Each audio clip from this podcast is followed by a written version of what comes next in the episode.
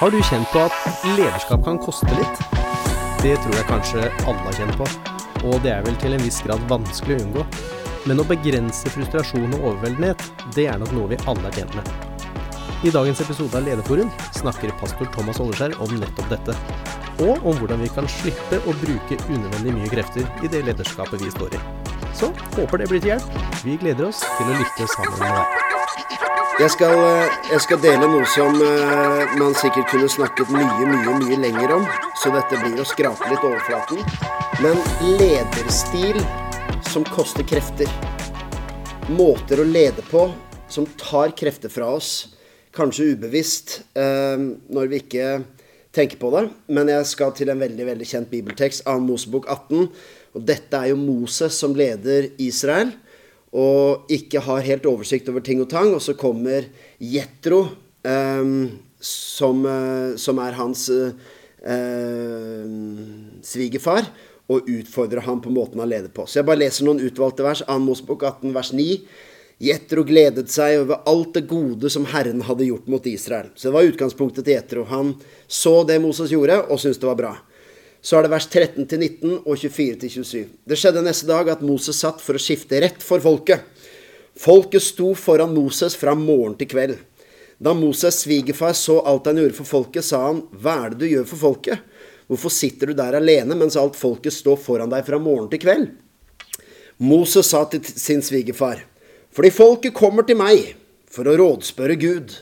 Når de har en vanskelig sak, kommer de til meg for at jeg skal dømme mellom den ene og den andre, og jeg gjør kjent Guds bud og hans lover. Da sa Moses svigerfar til ham, det du gjør er ikke bra. Både du og dette folket som er sammen med deg, kommer til å bli helt utslitt. For dette er altfor tungt for deg. Du klarer ikke å gjøre det alene. Hør nå på hva jeg sier. Jeg skal gi deg råd, og Gud skal være med deg. Moses hørte, hørte på hva svigerfaren sa, og gjorde alt det han hadde sagt. Moses valgte dyktige menn fra hele Israel og gjorde dem til overhode for folket. Leder over 1000, leder over 100, leder over 50, leder over 10 så avsa de dommer for folket hele tiden. De vanskelige sakene overlot de til Moses, men selv dømte de i alle de små sakene. Så lot Moses svigerfaren fare, og han dro tilbake til sitt eget land. Og vet om noen som hører på, som tenker Thomas, ikke en andakt til om delegering. For det er ikke folk å delegere til! De vil ikke ha det! og kanskje det er klisjé å lese dette her eh, og bare snakke om delegering. Men det er et par ting som, eh, som, jeg snakker ikke bare ut fra en teoretisk kunnskap, men som er på en måte helt klart ting jeg har snubla i sjøl, og ser så klart mønster av hva man blir sliten av. Og det ene altså lederskap som tar kreftene fra oss. For Jetro sa det til Moses, både du og dette folket som er sammen med deg, kommer til å bli helt utslitt. Så eh, det første lederstilen som gjør oss slitne, det er Jeg kaller det hierarkisk ledelse i mangel av bedre ord. For vi, det fins et hierarki. Vi er en menighet som kommer også fra en uh, tradisjon og røtter hvor vi tror på visjonært lederskap. Vi tror på rollefordeling, rollefordeling. Vi tror på apostolisk lederskap. Men med hierarkisk så legger jeg inn dette her. Denne tanken om at fordi jeg i en sammenheng er lederen, så må jeg også ha svarene. Jeg må også være den som gir. Jeg må være den som snakker. Og hvis det skal være spørsmål og svar, så er selvfølgelig de andre stiller spørsmål. Jeg har svar. Jeg sier ikke at det aldri skjer, og jeg sier også ja til visjonært lederskap og tydelig lederskap. Men du kan høre Moses sitt tonefall. Kanskje jeg la litt vekt på det med vilje òg. Men denne tanken om at når folket har en vanskelig sak, så kommer de til meg. Og jeg gjør kjent Guds bud og Guds lover. Moses har en viss sånn stolthet over å være mentoren i lovspørsmål for folket. Det kan gjelde en pastor, men det kan også gjelde andre fagfelt. Det kan gjelde områder man har en spesiell kompetanse, eller det ansvaret man har som leder eller mellomleder.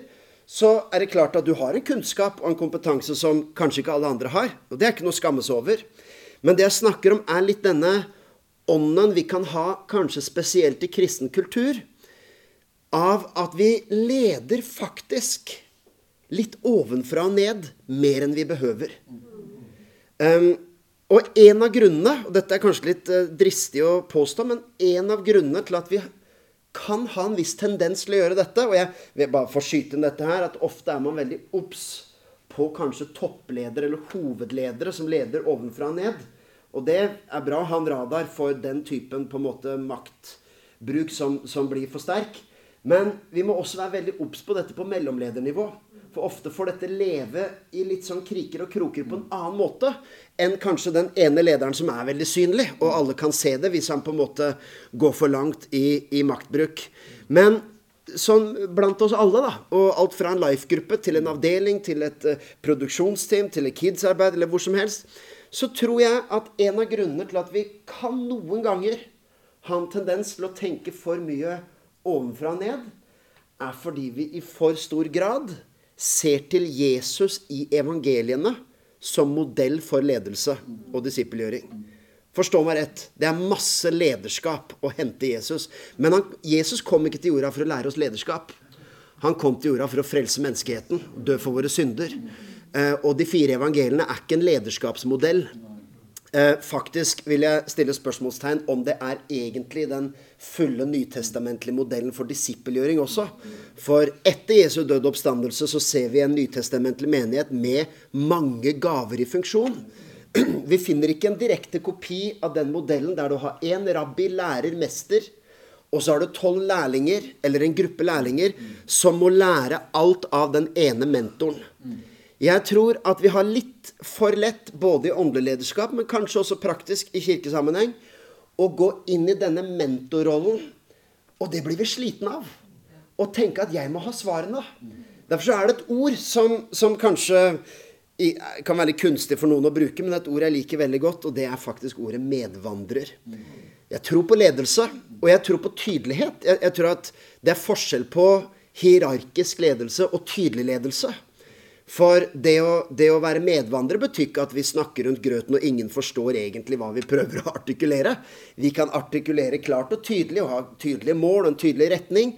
Men i vårt daglige virke og samhandling så tror jeg på medvandrermetoden. Eh, at vi må, som på en equalizer, Det handler ikke om å skru av mentorgenet. Men det handler om å skru kanskje ned litt den måten å lede på, og skru opp medvandrermåten å lede på. Jesus sier det rett ut, Matteus 23. Dere skal ikke la noen kalle dere rabbi, for én er mesteren deres, og dere er alle søsken. Wow! Dere skal ikke kalle noen her på jorden far, for én er deres far, han som er i himmelen. Jeg vet, ikke kast steiner på meg, jeg vet vi tror på åndelige fedre, og vi bruker det begrepet ganske mye. Vi trenger åndelige fedre og mødre. Men noen ganger kan det også begrepet ha sine brister. For vi kommer inn med denne tanken om at her er én rutinert og én moden og én voksen som skal på en måte overlevere all sin kunnskap til en annen som ikke har den kunnskapen. I Guds rike er det litt mer dynamisk. Det er faktisk sånn at um, sammen med alle de hellige skal vi finne lengden, bredden, høyden og dybden. Fins en kultur som jeg Og jeg sier ikke dette fordi dette er sånn jeg har leda i alle år, så, så lær jeg meg. Tvert imot. Jeg oppdager hvor sliten man kan bli av å gå inn i et rom og tenke at du må være den med svarene. Hvilken oppdagelse det er å gå inn i et rom og tenke her er en ressursbank av visdom, av innsikt. Og selv hvis jeg skulle gå inn i et møterom eller en gruppe og tenke at jeg har en retning, jeg har håper å si, klart for meg hvor vi skal hen, så er det så mye med kraft noen ganger i å lede gjennom spørsmål enn gjennom å lede ved å fortelle.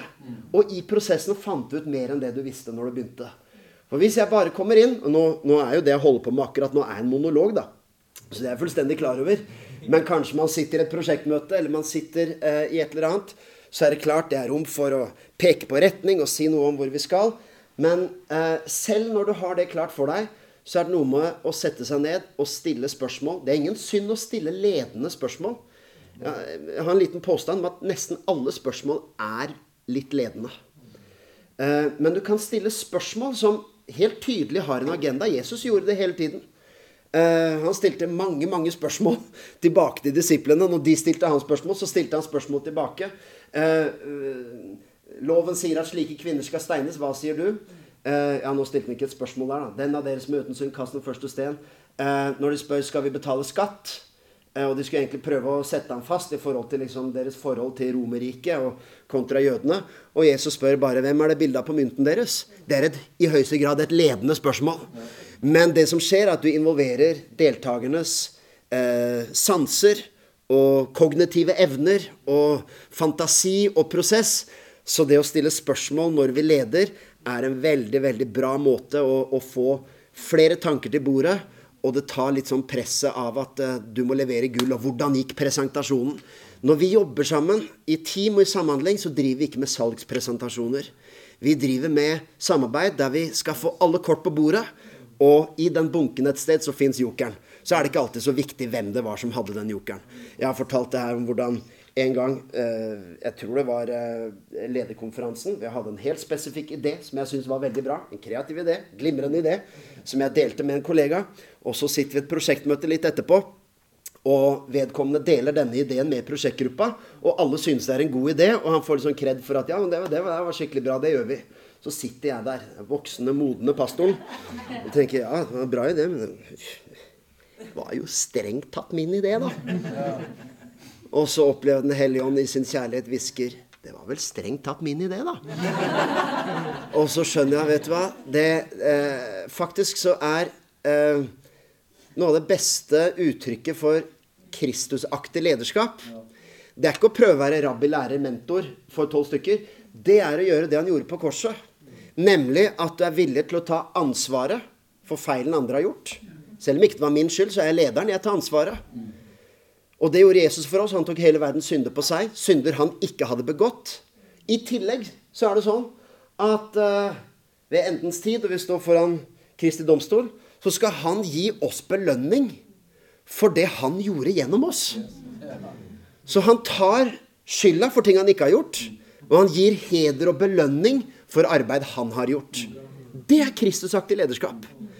Og det Jeg sier ikke at du alltid skal gå rundt som et vandrende offer, men jeg, jeg sier at det å lederskap er å på en måte Det som skjedde i det prosjektrommet, da, hvor jeg tenkte at det var strengt tatt jeg som skulle hatt kreden her, men uh, godt lederskap er faktisk når til og med noe du har skapt, og noe du har produsert, og andre sitter igjen med en stolthet for at de kom på det. Det er egentlig ganske bra lederskap, det. Så jeg er kry av den der runden der, jeg. Poenget er dette her, eh, til slutt på dette, dette punktet, er bare at det, det presset vi kan legge på oss sjøl noen ganger, det er nok press i utgangspunktet. Om ikke vi skal legge et ekstra unødvendig press sånn som Moses gjorde, med litt den stoltheten om at jeg er, jeg er personen med svarene i rommet. Kanskje skal vi tenke også sånn når vi her i basen, i, i vår kirke, vårt kirkenettverk, når vi er her på basen, og vi kanskje besøker også noen av campusene våre, så tenker jeg ja visst, vi har, noen, vi har sikkert eh, kompetanse og ting som, ting som vi skal dele med resten. Men så er det også Det kan også være litt slitsomt. Og tenke at hver gang vi har lederkonferanse, eller hver gang vi snakker med noen der ute, så skal vi komme som noen liksom mentorer og kunnskapsguruer som skal på en måte vise resten av nettverket hvordan ting skal gjøres. Nei, vet du hva? Det fins utrolig mye rikdom og gull og innsikt i nettverket. Å komme inn og tenke at nå skal ikke bare jeg inn her og levere alt mitt gull og berike dem. Jeg skal bli beriket, og rommet kan bli beriket av gavene og stemmene. Og jeg tror det er én ingrediens som vi er nødt til å ha hvis vi skal få til dette her. Det er vi er nødt til å være nysgjerrige. Vi må være nysgjerrige på menneskene, på hva de tenker. Hva, hva, hvordan eh, ser du denne saken? Um, det tror jeg er, eh, er, en vanvittig god egenskap som leder. Er å uh, stimulere din nysgjerrighet, rett, rett og slett. Øve deg opp i å være nysgjerrig. Amen. Her er nummer to. Så hierarkisk ledelse eh, kan ta krefter fra oss. Og så er selvfølgelig den her er kjent detaljstyring. La meg si en, eh, en liten nyanse her. For detaljstyring er en lederstil som gjør oss slitne. For til slutt så blir det så mye detaljer, og så begynner vi å skylde på folk fordi det er for mange detaljer. Eh, legger ikke skylda på noen. Jeg ser på meg sjøl her. For jeg er interessert i detaljene, og til slutt så syns jeg synd på meg sjøl. Det er så mye detaljer i denne jobben her. Så tenker jeg, ja, Mon tro hvorfor det? Detaljstyring, bare for å ha en klar nyanse, er ikke det samme som det å skulle bry seg om detaljer. Jeg har veldig tro på at detaljer har en kraft i seg. Detaljer er essensielt. Men gjerne én av gangen. Og Min definisjon jeg vet ikke hvor korrekt den er sånn rent faglig, men min definisjon av detaljstyring det er behovet for å ha innsikt i alle detaljer. Men ofte er det en kraft i å si at det er masse detaljer som vi kanskje ikke har helt koll på akkurat nå. Men f.eks. så kan vi si førstkommende søndag eller førstkommende prosjekt eller førstkommende hendelse, så skal vi løfte kvaliteten på denne detaljen. Kan av og til være litt krevende i en kirke fordi at vi har et så stort perspektiv. Vi jobber ut fra en misjonsbefaling hvor Jesus sa 'gå ut i all verden' og forkynne evangeliet. Så kan vi oppleve det nesten litt sånn smålig og smalt og trangt. Og plutselig liksom La oss sørge for at uh, foajeen ser ren ut og ordentlig ut på søndag. Så er det liksom «Ah, skal gå ut i all verden og forkynne evangeliet. Og alt du tenker på, er foajeen. Derfor kan vi av og til Jo, men det kan ligge en liten sånn ryggmargsrefleks i oss i at detaljer nesten blir uåndelig. Men jeg tror eh, Jeg har ikke tid å legge en lang bibelutlegning om dette. Men for meg så er ofte et fokus på detaljer blir som de fem brødene og to fisk. At det er noe lite. Det er noe smått. Men som jeg sier, jeg vil i hvert fall være helhjerta i denne ene tingen. Og vet du hva som skjer forbløffende ofte? Så man slår seg til ro med at ok, det er ikke tipp topp, det går bra. Det der skulle gjerne vært bedre. Kanskje neste år. Men det vi kan klare, er å løfte denne detaljen. Det som gjerne skjer, er at man løfter den, og automatisk i dragsuget så løfter andre ting seg samtidig. Fordi man plutselig gjorde en mental omstilling. Man fikk et fokus, man fikk et eierskap, man fikk en entusiasme. Man fikk et samhold i teamet. Så plutselig løfta også de detaljene du ikke fokuserte på. Eh, kall det gjerne et brødunder, men det er jo det at ting skjer som ikke du en gang kanskje investerte i, men som likevel mangfoldiggjør seg fordi man faktisk investerte helhjerta og med tro og forventning inn i en detalj. Um, men så ser vi samtidig i teksten med Moses at uh, jeg, liker den setningen hvor det står til slutt, når han uh, tar i bruk de rådene han får fra Jeter, og så sier han de vanskelige sakene overlot de til Moses, men selv dømte de i alle de små sakene. Nå sier jeg ikke at delegering bare er at lederen må ta de store, og resten tar de små. Men det som er interessant å observere, er at Moses for første gang turte å overlate en hel del detaljer til betrodde ledere. Og Moses hadde ikke lenger innsikt i alle dommene. Noen ting måtte han ha innsikt i, men uh, han trengte ikke innsikt i absolutt alle. Det fins behov for kvalitetssikring og for oppfølging, men du kan ikke kvalitetssikre alt hele tiden. Zoom inn kreftene, zoom inn energien, og se hvordan det løfter og også frigjør energi i stedet for å ta energi. Den tredje er veldig opplagt. Lederstiler som tar krefter fra oss. Og igjen, dette er så selvfølge, sikkert for alle dere som er i rommet her. Men jeg, jeg deler den bare ut fra min egen reise og oppdagelse. Og det som tar krefter fra en, og, og fortsatt kan ta krefter fra en, det er ustruktur og manglende oversikt. Du behøver ikke være kjempestrukturert og være en sterk K nødvendigvis for å praktisere dette punktet her. Men det å ha litt selvinnsikt på um, hvor man har sine styrker, så handler det om å fylle inn på en måte det rommet. Enten med hjelp av andre mennesker. Det er, det er mye bedre for meg å ha litt selvinnsikt på at jeg kan være distré. Sånn at hvis du møter meg i gangen og sier Husk, uh, 'Husker du å sende meg mail om sånn og sånn?' Så kunne jeg si 'Du, det kan fort hende at jeg glemmer. Kan ikke du sende meg en påminnelse?' Den lille setningen uh, som, som kommer av at jeg har lært den vanskelige veien. Jeg har selvinnsikt til å vite at det der kan fort jeg glemme. Jeg trenger din hjelp til å huske det. Um, enn at jeg later som om jeg har stålkontroll på alt. Det er veldig slitsomt å late som at man har alle gaver hele tiden. Det tar krefter fra oss. Og forbløffende ofte, og nå vil jeg ikke du skal felle noen dom over folk du eventuelt ser som er slitne, men ofte så, så blir vi tappet for krefter fordi vi prøver å fremstå mer Supermann enn det vi er. Ofte så hadde vi frigjort energi ved å slappe av litt. Vise litt hud. Være litt sårbar. Innrømme i det møtet at du, dette her har ikke jeg helt fått til. Eh, eller enn å late som om jo, jeg er nesten ferdig. Eh, erkjenne at eh, du, her sånn trenger jeg drahjelp. Være åpen og sårbar, og så, eh, tror vi på at man selvfølgelig tar ansvar i det man gjør. At det er ikke sånn gå fra møte til møte bare Nei, jeg har ikke gjort, jeg har ikke gjort noe som helst. Jeg bare er sårbar og åpen og naken og ærlig. Nei, det er ikke, det er ikke måten. Her er min vesle, for jeg er ikke en eh, Egentlig er jeg veldig glad i struktur, jeg er bare veldig dårlig på det. Men det som hjelper meg Jeg kan merke i min etter hvert fra min underbevissthet og i mitt hjerte, så kunne jeg merke når jeg har mista oversikt. Og det er veldig konkret. Det er rett og slett eh, noen ganger man legger hodet ned på puta, og så kommer masse ting som jeg vet at det der har jeg ikke grep om akkurat nå. Der har jeg mista litt kontrollen. Det der skulle vi gjort noe med. Og det der er tre uker på overtid. Og så skjer det som gjerne skjer. Du blir overveldet.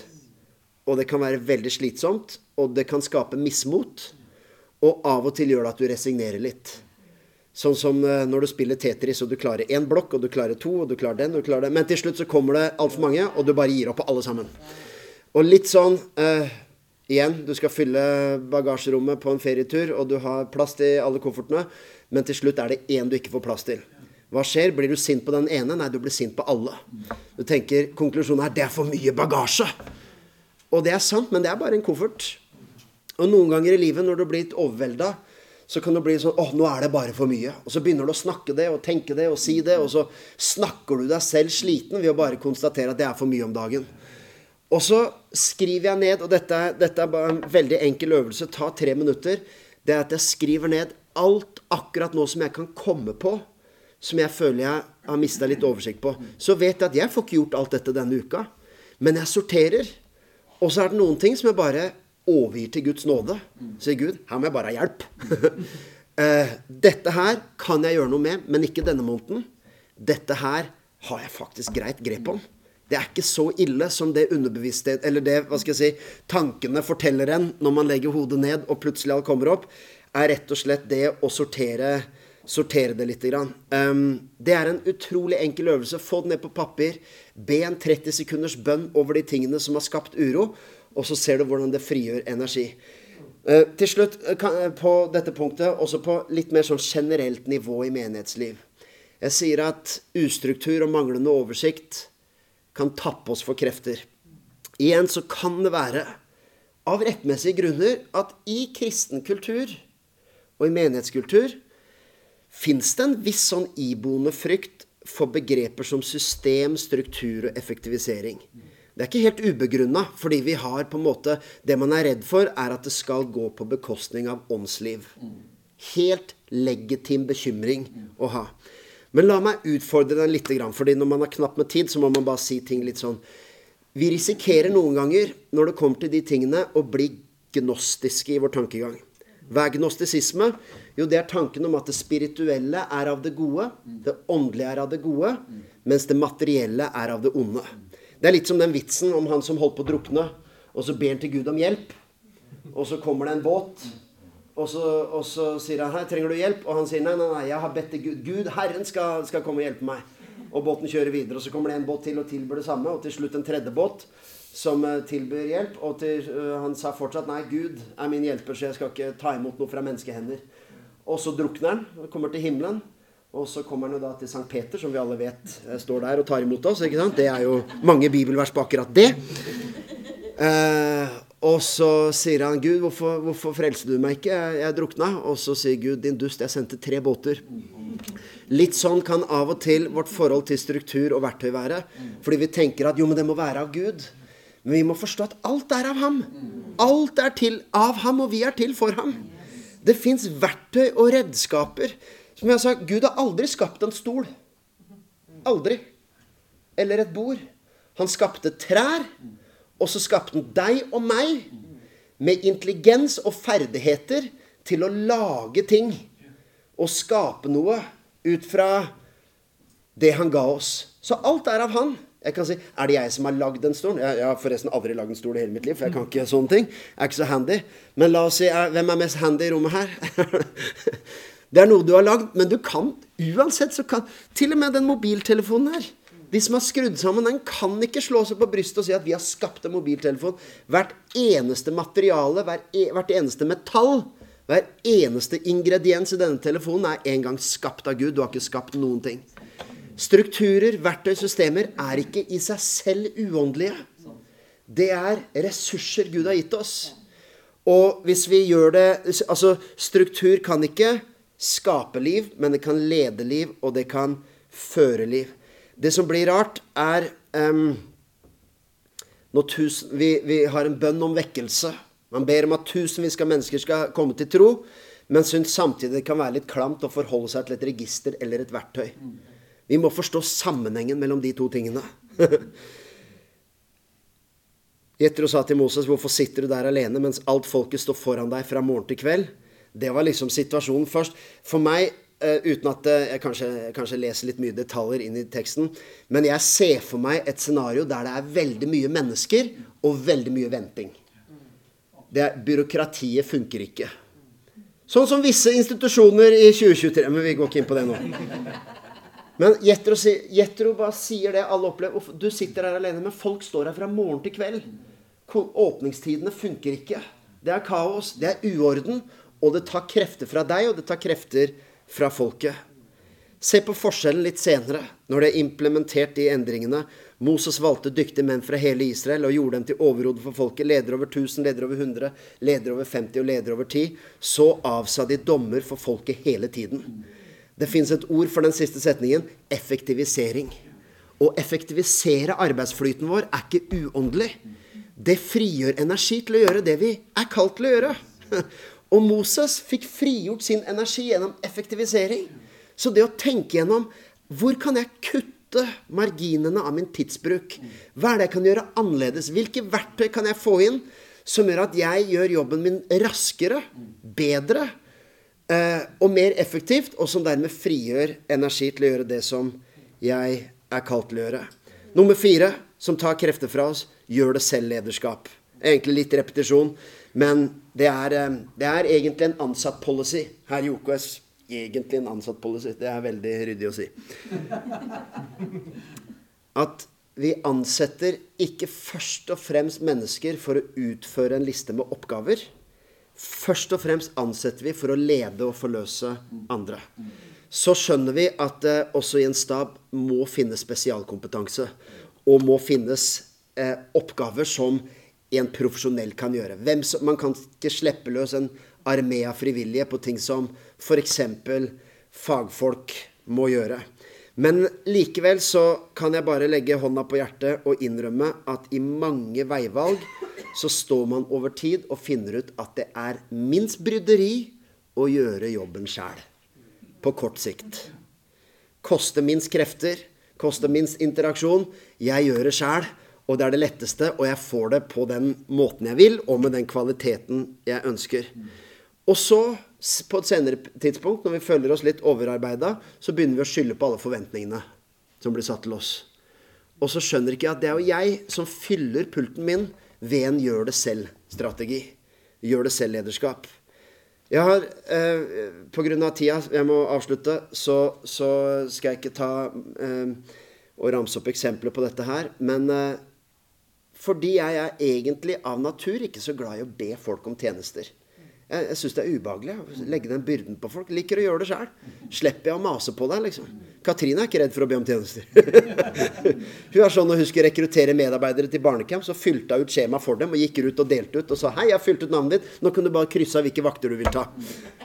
Jeg kunne aldri gjort det! Har ikke guts, har ikke nerver. Har ikke, har ikke nerver til sånne ting. Uh, og det kan man si er egentlig dårlig egenskap som pastor, da, men det, det, det av og til fører til, helt sant, det er at jeg i stedet for å be om hjelp, så gjør jeg det. For jeg vil ikke være til bryderi og vil ikke være til byrde.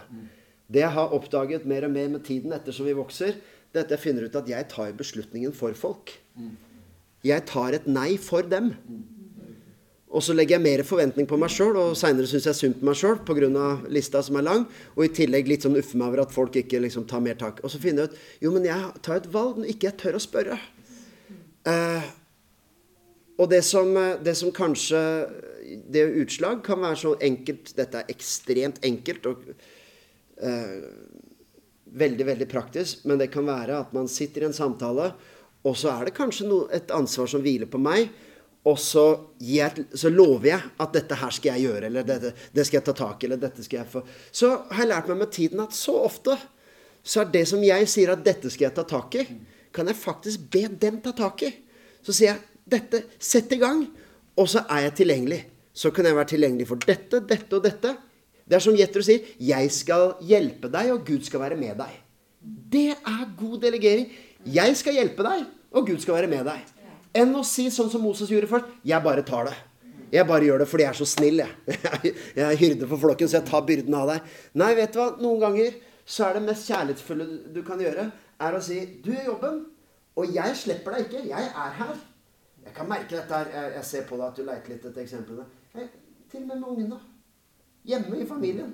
Så kan jeg være litt sånn, litt sånn uh, kjapp på å bare gjøre det for dem.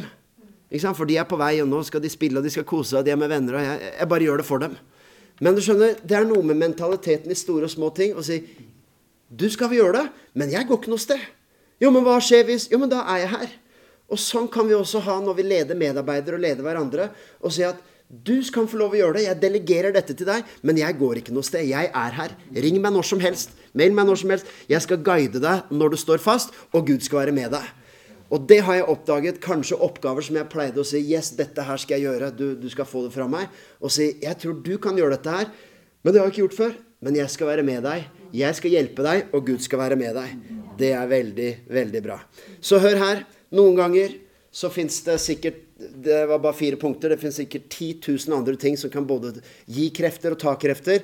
Men dette var bare fire enkle knagger som jeg opplever i mitt eget lederskap og ut fra disse oppdagelsene i Bibelen, som gjør oss mer slitne enn vi trenger. Noen ganger fins det mer krefter å hente. Ja, noen ganger ropte Gud om hjelp og styrke og kraft, men noen ganger også ved bare omstille og omstrukturere litt, måten man jobber på. Så plutselig så man det fantes mer krefter og mer drivstoff på tanken enn det jeg var klar over. Så i Jesu navn, styrke til alle sammen. Visdom og kraft til å forvalte på best mulig måte. Amen. Takk for at du lytta til dagens episode av Lederforum. Vi håper undervisningen var til oppbyggelse og inspirasjon for deg. For mer undervisning fra OKS anbefaler vi å abonnere på podkasten OKS med taler fra våre ukentlige gudstjenester. Her på Lederforum høres vi igjen om 14 dager, og vi ønsker deg i mellomtiden Guds rike velsignelse over deg, ditt liv og ditt lederskap.